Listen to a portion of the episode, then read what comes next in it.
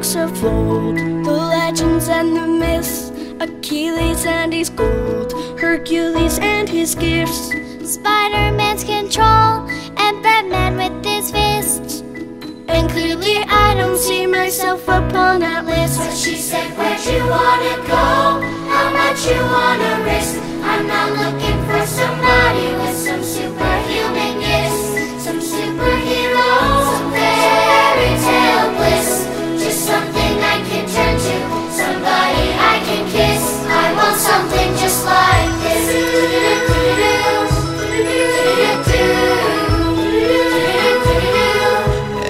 been reading books of old, the legends and the myths, the testaments they told, the moon and its eclipse.